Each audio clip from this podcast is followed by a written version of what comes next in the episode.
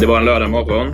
Eh, jag får ett samtal som handlar om covid. Johan von Schreb som tillhör krisledningen på Socialstyrelsen som säger att vi måste ta fram riktlinjer för intensivvårdsprioriteringar och vi måste göra det snabbt. Eh, vi befarar att platserna kommer ta slut eh, i intensivvården, kanske redan i helgen eller åtminstone i mitten av nästa vecka och, och vi behöver få stöd till hur vi ska välja och framförallt välja bort patienter. För Lars Sandman blev det en rivstart på prioriteringsarbetet i början av coronapandemin. Han är professor i hälso- och sjukvårdsetik vid Linköpings universitet och under året som gått har han fått fokusera på det vårdbehov som har uppstått under pandemin. Men covid-19 har inte bara gjort att vård skjuts på framtiden. Pandemin har också lett till minskade skatteintäkter och försämrad folkhälsa. Hur påverkar pandemin viljan och möjligheten för regionerna att satsa på nya och ofta dyra läkemedel? Det är en av de frågor vi ska prata om i det här avsnittet av podden Rådet från NT-rådet. Jag som hälsar dig välkommen heter Anna Bratt och med mig har jag Lars Sandman som vi nyss hörde berätta om sitt arbete under pandemin. Hej Lars! Hej! Här finns också Gerd Lärfars som är ordförande för MT-rådet men också specialist inom internmedicin. Hej Gerd! Hej! Hur har ditt arbete påverkats av pandemin? Ja, precis som för många andra så blev väldigt mycket inte som vanligt. Och, eh, mitt arbete som för det mesta då handlar om läkemedel på olika sätt så blev ju fokus på något sätt från det här långsiktiga, mer uthålliga arbetet som vi bedriver hela tiden kring läkemedel. Det blir förändrat och vi börjar titta på mer akuta frågor om läkemedel. Och då gällde det läkemedelsförsörjning och viktiga läkemedel för just intensivvården och för vården av covid-patienter. Och du Lars, hur har du det på jobbet nu? Ja, det har väl också varit väldigt speciellt. Eh, förutom den här intensiva perioden i början när vi jobbade fram riktlinjer för först intensivvården och sen för rutinsjukvården när det gäller prioriteringar så har ju framförallt jobbet handlat om att sitta hemma och jobba, vilket ju känns lite ovanligt. Så. Eh, men sen har det dykt upp liksom etiska frågeställningar från olika delar av vården under tiden. Eh, frågeställningar kring Eh, av mer kanske allmän etisk karaktär. Hur ska vi göra med närstående som inte eh, kan vi släppa in dem till, till smittade patienter? Eh, och sen på senare tid så har frågorna börjat handla kanske mer om det här med det uppdämda vårdbehovet. Hur ska vi återställa vården? Vad ska vi tänka på när vi ska rulla tillbaka vården när pandemin börjar lägga sig och så vidare. Lars, hur många gånger har du blivit intervjuad hittills om prioritering kopplad till pandemin? Och jag vet faktiskt inte, jag har inte räknat ihop alla gångerna men vissa dagar då när det var som mest intensivt så kunde jag bli intervjuad tre till fyra gånger om dagen så att, eh, det, var, det blev en hel del ett tag. Hur var det då? Jag tyckte det var intressant men det var också, kanske, det var också en del av utmaningen att veta att framförallt om det var etermedia, alltså tv eller radio, att veta att nu har jag fem minuter på mig att kunna förklara det här liksom ganska komplexa prioriteringsriktlinjen som vi har tagit fram och försöka svara på kanske knepiga frågor. Så att, eh, ja, det var en utmaning. Vad är det som är det svåraste med att förklara prioriteringsarbete i sån här situation? Det som, det som är utmanande är att, att en del av, av våra ställningstaganden var ju ganska kontroversiella eller potentiellt kontroversiella. Framförallt att, att vi sa att man skulle ta hänsyn till återstående livslängd och att då få en motfråga där man säger att ja, du menar alltså att vi ska välja bort de äldre i samhället eh, är ju naturligtvis svår att svara på ett balanserat sätt på väldigt kort tid. Jag tror att jag har lärt mig just vikten av att kommunicera och kommunicera på ett bra sätt kring de här frågorna. Mm. Om jag bara får komplettera där, lägga till lite på det Lars säger, men just det här du säger Lars om att man måste fundera över kommunikation, den, den, det kommer ju ganska ofta också i NT-rådets arbete när vi tar fram rekommendationer och när vi faktiskt säger nej eller begränsar eh, användningen till vissa patientgrupper. För den här frågan är ju, det är liksom eh, kärnfrågan när det gäller prioriteringar, det är ju det att, att när man prioriterar så väljer man alltid bort någonting. Man väljer ju förstås att ge någonting i ena änden, men ibland så man väljer ju samtidigt bort något. Och det här har vi ju mycket diskussioner om inom NT-rådet, att ibland blir det tydligt vad vi väljer bort och ibland blir det liksom någonting som man måste påminna alla om att när vi gör det här så väljer vi bort något annat. Hur eh, tror du att det blir framöver? Vad kommer att komma upp för prioriteringsfrågor? Nej, men jag uppfattar nog som att, att flera av de frågorna som har varit på agendan tidigare kommer upp, men de kommer upp lite mer Eh, liksom, eh, tydligt, eller det blir liksom väldigt tydligt för regionen att, att vi befinner oss i en situation där det kommer bli svårt att välja. Så att eh, vi, vi, har, precis som du inledde med, vi har olika dimensioner som påverkar våra prioriteringar med eh, de dimensionerna som fanns tidigare med demografi och, och teknisk utveckling, läkemedelsutveckling men också då de här nya faktorerna med, med det uppdämda vårdbehovet och, och skatteintäkter och så vidare. Så att jag uppfattar som att det finns en liksom ett förnyat intresse, en förnyad diskussion i regionerna kring de här frågorna och där man ser att vi kommer nog tvingas göra ganska tuffa bortval eh, i vissa lägen. Gerd, du berättade tidigare hur ditt arbete har påverkats av pandemin, men hur har NT-rådets arbete förändrats? NT-rådet har ju arbetat väldigt mycket utifrån prioriteringar och etisk platt, den etiska plattformen, så det var ju en väldigt viktig del, har ju varit det hela tiden, en viktig del av vårt arbete när vi ska värdera nya läkemedel och nya terapier. Men jag tycker att det blev prioriteringarna och den kunskap som vi har från prioriteringscentrum och kring det har blivit ännu tydligare och ännu viktigare. Och då att man också som, som regionrepresentant och sittande NT-rådet mycket väger in helheten på ett kanske ännu tydligare sätt. Vi måste se till det totala behovet av vård och läkemedel och att fördelningen av resurser och att säkra tillgången utav eh, även de äldre läkemedlen för att de blir oerhört viktiga i, i den här typen av, av krissituation som vi har genomlevt eh, eller fortfarande finns i. Så prioriteringarna sätts ju mer på sin spets när man ser att vi faktiskt har områden där vi måste stärka våra resurser och som tidigare vi har tagit för givet. Alltså de här äldre, lite billigare läkemedlen. Jag tror att för alla som arbetar med eh, läkemedel så har det blivit väldigt tydligt. Och då för NT-rådet blir det ju att våra, våra värderingar av nya läkemedel måste bli ännu tydligare när det gäller värdet och effekten utav dem så att man kan leda och ge regionerna råd om att man väljer bra och säkra läkemedel för introduktion. Men kommer pandemin alltså att påverka Enterrådets rekommendationer och bedömningar menar du? Jag tror att vi måste framöver, och det signalerar ju regionerna både ur en allmän synpunkt så där, men även den ekonomiska bilden som du beskrev, att det är väldigt viktigt att vi är bättre på att välja rätt läkemedel, alltså de viktigare läkemedlen att introducera, så att vi prioriterar rätt bland dem. Och då betyder det att vi måste jobba väldigt mycket mer med till exempel osäkerheter kring vissa nya läkemedel. Hur menar du då? Ja, nya läkemedel kan ju ibland kan ju vara mindre väl dokumenterade när det gäller deras effekt, deras faktiska effekt och även effekter på framtiden, framtida nytta. Och det här måste vi då väga in på ett tydligare sätt, tror jag, i våra rekommendationer. Så att vi minskar osäkerheten för regionerna när de ska prioritera vilka läkemedel vi ska introducera. Kan det, kan det betyda att det blir fler nej-rekommendationer? Ja, i alla fall måste det, det efterfrågas nog att vi är tydligare med våra ja och nej-rekommendationer att, att det är ett bättre stöd att vara den här tydligheten än när vi kanske har gett våra kan-rekommendationer som vi ibland uttrycker. Och då blir ju det ett tuffare prioriteringsarbete förstås. Ja, pandemin påverkar ju ekonomin hos landets regioner. En som vet mer om det är Sofie Alverlind som är koordinator för NT-rådet. Men Sofie är också handläggare inom Sveriges kommuner och regioner, SKR. Och SKR tar två gånger varje år fram en ekonomirapport som visar regionernas och kommunernas situation och förväntade samhällsekonomiska utveckling på några års sikt. Hej Sofie, eh, hur är läget? Hallå! Jo, men det är bra tack. Du, jag är lite nyfiken på hur SKR ser på regionernas ekonomi framöver.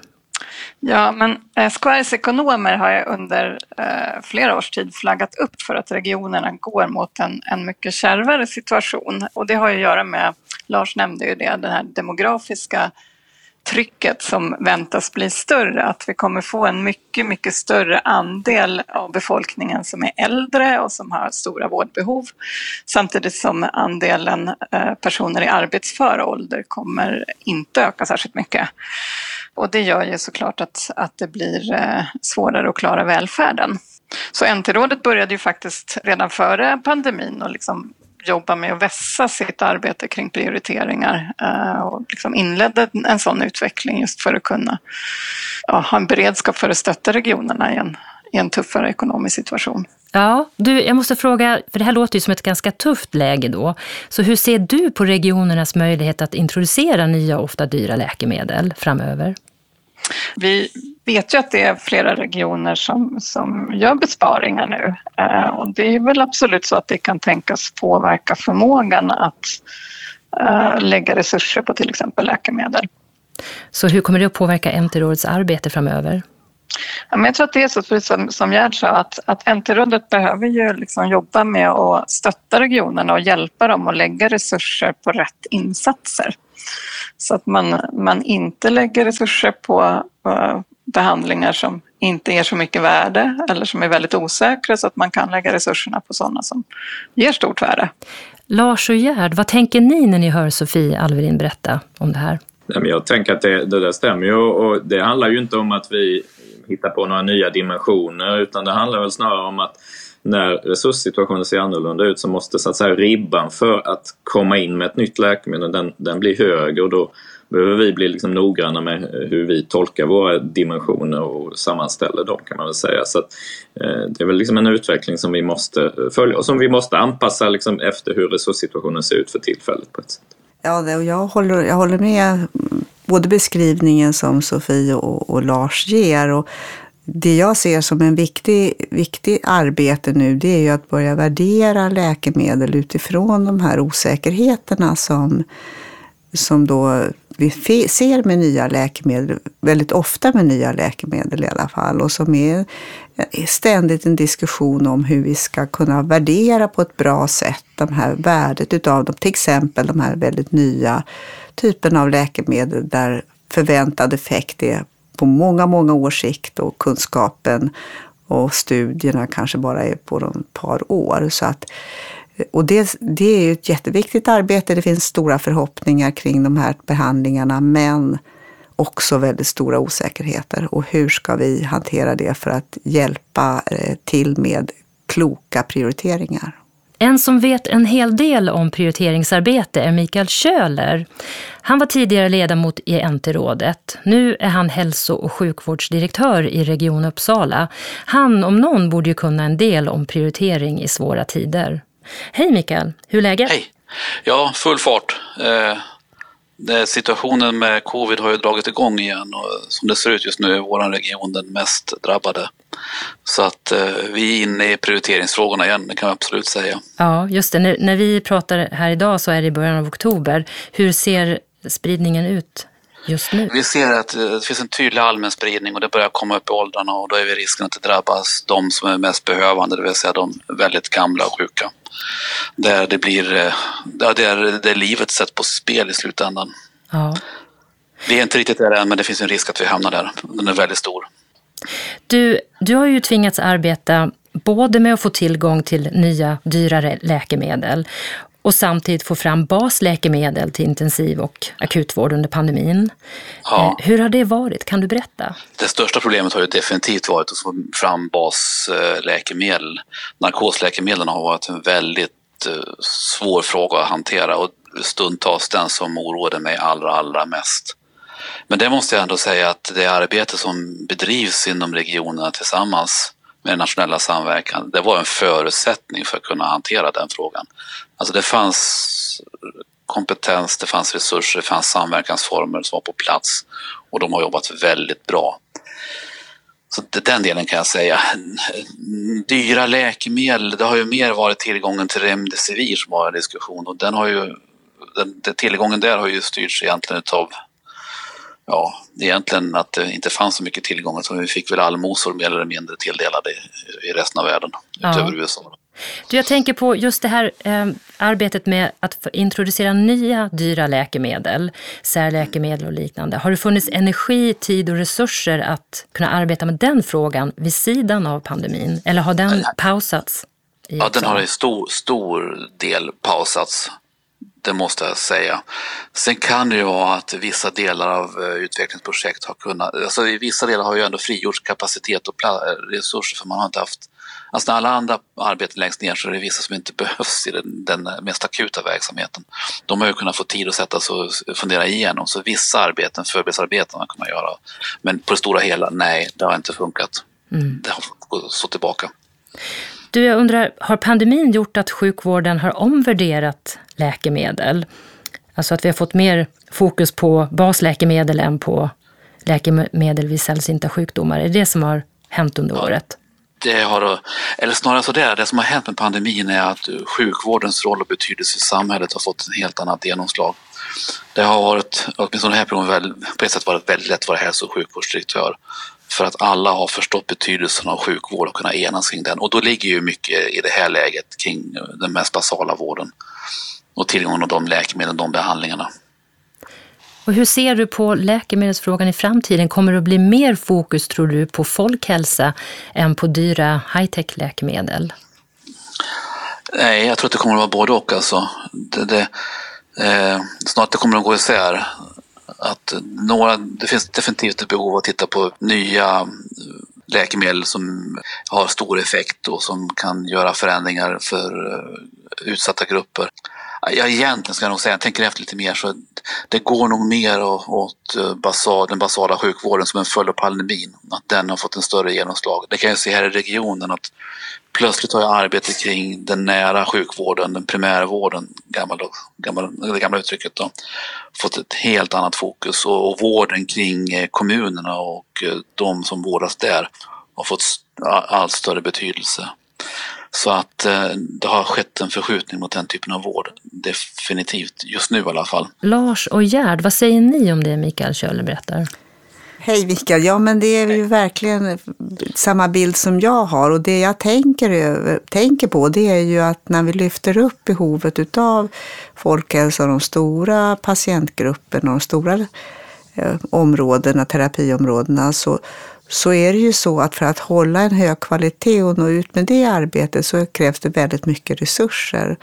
Och, eh, och för de här nya läkemedlen så är det ju så att trots att det, det måste man ju vara medveten om att där prioriterar vi upp väldigt mycket mer resurser i förhållande till till liksom nytta. Vi accepterar en högre kostnad för de här nya läkemedlen. Och den balansen mellan vad får de här väldigt dyra läkemedlen kosta i förhållande till de billigare för vanligare sjukdomar när man ser på hälsoekonomin och sånt. Den diskussionen tror jag vi måste eh, ha igen i alla fall. Ja, men jag håller med om det och jag, jag tänkte faktiskt fråga dig Mikael. Man pratar ganska mycket om en potentiellt försämrad folkhälsa med tanke på ekonomin och så vidare. Börjar ni se någonting sånt redan nu i Region Uppsala eller är det något som ligger framför? Nej men det är folkhälsan, det man kan se, det, det sker ju rapporter, för vi har ju regelbundet, det har också hänt och vi har mer träffar med kommunerna och socialtjänsten. Och där kommer det allt mer orossignaler. Men det slår ganska olika i, i, i samhället. Vissa kommuner är det lugnt och andra kommuner rapporterar väldigt mycket. Så att det kanske är så att de, de, de, eh, den ohälsa och den psykiska ohälsan som finns i vanliga fall har förstärkts i de regioner där det är som värst. Det finns en tydlig socioekonomisk aspekt på, på corona. Mm. En annan sak som jag tänker på som, som ju också blir en prioritering som vi har uppmärksammats på det är ju att vi kanske behöver lägga undan resurser i ladorna för krisberedskap. Är det en diskussion ja. som ni har?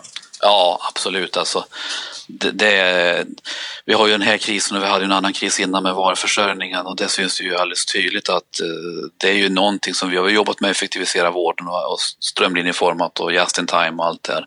Men det, den utvecklingen måste ju bromsas och till och med backas i. Vi måste ha eh, redundanser, vi måste ha lager. Det, det är helt nödvändigt. Och där är ju läkemedelsfrågan otroligt viktig. Jag menar, det här med narkosläkemedel var ju oerhört bekymmersamt. Sen ska jag ändå säga det här med nya dyra läkemedel. Man får inte glömma ändå att eh, man måste hålla den fanan högt också för det finns ju nya läkemedel som verkligen gör att situationen förändras och gör att eh, sjukvården blir väldigt mycket effektivare. De, de finns verkligen och de får vi inte glömma bort i det här läget. Så Enterot har en stor betydelse i fortsättningen, absolut. Det låter bra. Tack Mikael Köhler, hälso och sjukvårdsdirektör i Region Uppsala, för att du var med och ja. berättade. Tack så mycket. Det jag tycker är viktigt som Mikael säger här, och det gäller ju mycket NT-rådets arbete, det är ju det här att bland de nya läkemedel så finns det många som är väldigt värdefulla och som kommer att kunna göra stor nytta och viktiga för patientgrupper, särskilt patientgrupper med en allvarlig, svår, sällsynt sjukdom. Och de måste vi förstås lyckas prioritera och vara tydliga med mot regionerna att det här är viktiga läkemedel som vi måste försöka ge möjlighet att introducera på ett jämlikt sätt. Och det är ju viktigt att komma ihåg att det är balansen mellan de här att värdera nyttan med läkemedel, oavsett om de är gamla eller nya, det är en väldigt stor och, och det måste vi arbeta mer med. Hårda prioriteringar inom regionerna kan påverka patienternas möjlighet att få tillgång till nya läkemedel, har vi pratat om. Och eh, Andreas Hager är MT-rådets rådgivare för patientsamverkan. Och han är själv förälder till två barn med cystisk fibros. Hej Andreas! Hallå, hallå, hej, hej! Hej! Hur har pandemin påverkat dig och din familj? Ja, alltså livet med diagnos är ju alltid speciellt och eh, det händer saker. Och det här har varit en sån där sak som, som händer som i ett slag förändrar allting man gör. Så det, är ju, det har ju varit en riktig kris. Men jag, jag tycker att det, det, var, från början så kändes det som att det här kunde bli en djup och svår katastrof. Men, men riktigt så djupt kom det ju aldrig riktigt. Hur har ni levt? Nu är det ju eh, början på hösten här men, men i, eh, i mars gick vi in i total isolering. Så vi var från mars till mitten på juni när man inte visste så mycket så var det eh, hel, hel isolering som, som hade man varit en väldigt känslig äldre äldre. Jag vet att ni har ju bedrivit ett slags forskning på det ni upplever. Kan du berätta lite mer om det?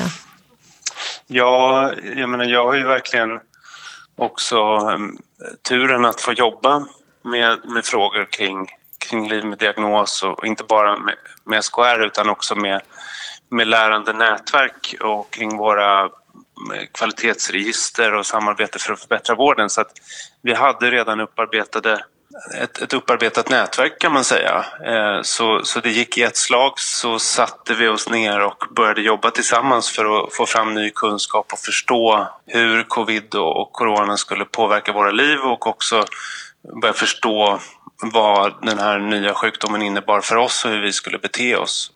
Så vi jobbade tillsammans, både patientorganisation, med vårdmedarbetare, forskare. Ja, och vi hade också ett pågående forskarprojekt som kunde ställa om sitt etiska tillstånd så att de började forska på, på det vi gjorde istället. Och vilka är de viktigaste lärdomarna som ni har dragit? Nej, men jag, jag tycker just att eh, man är ensam och eh, när vården stänger dörrarna så sätts ju allting på sin spets och vi är ju väldigt beroende av läkemedel och läkemedelsförsörjning.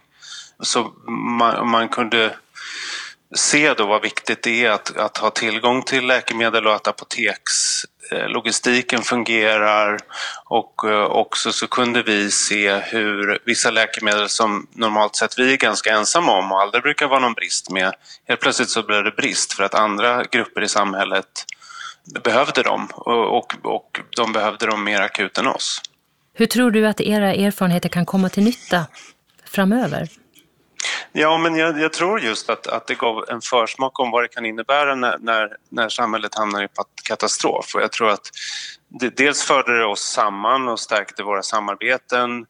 Det inskärpte vikten av att samla kunskap och jobba med register och, och sådana saker. Jag tror att det stärkte patientens roll eh, och att, att vård och forskare kunde se att faktiskt vi kan göra eh, en hel del i, i, eh, i uppföljning till exempel. För eh, forskningsstudier och uppföljning av nya läkemedel helt plötsligt kunde ju inte göras som det var planerat och då var vi tvungna att kanske förändra vår roll som patienter. Tidigare här i podden har vi pratat om hur regionernas ansträngda ekonomi kan leda till ännu hårdare prioriteringar av vissa nya läkemedel. Och det kan ju bli så att dyra läkemedel med ganska osäker effekt kanske väljs bort oftare än vad, de gör, än vad som görs idag. Kommer patienterna ha förståelse för det, tror du?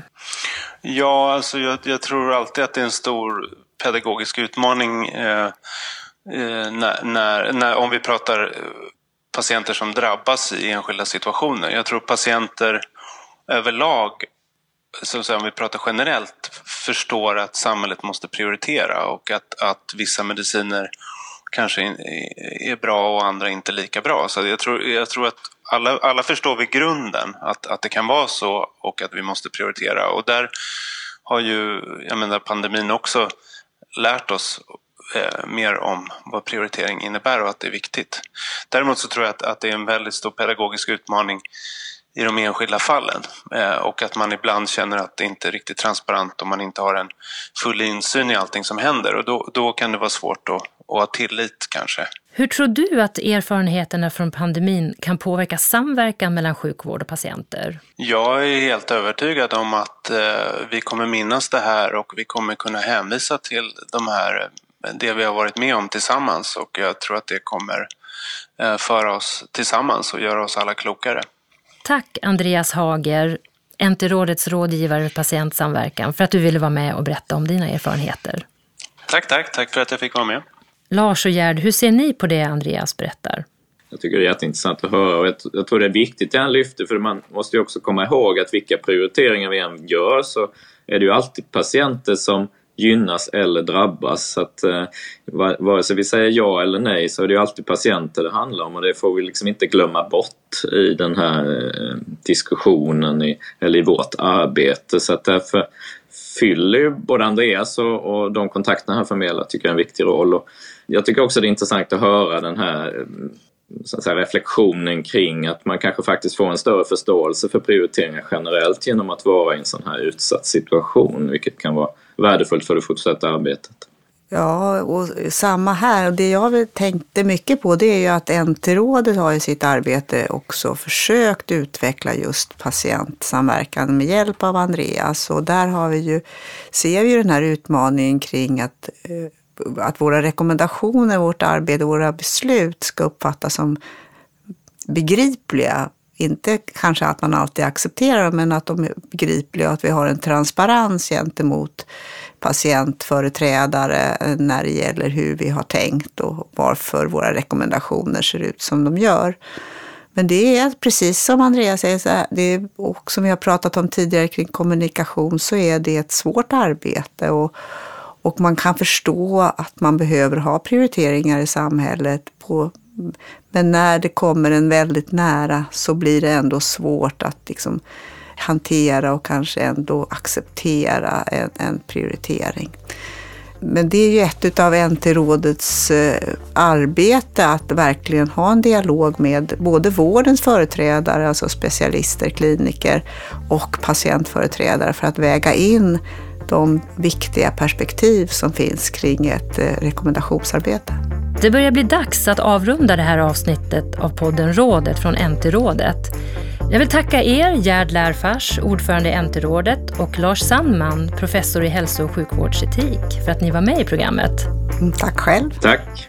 Missa inte nästa avsnitt av podden Rådet. Då ska vi prata om hur vi ska ha råd med de nya avancerade terapiläkemedlen.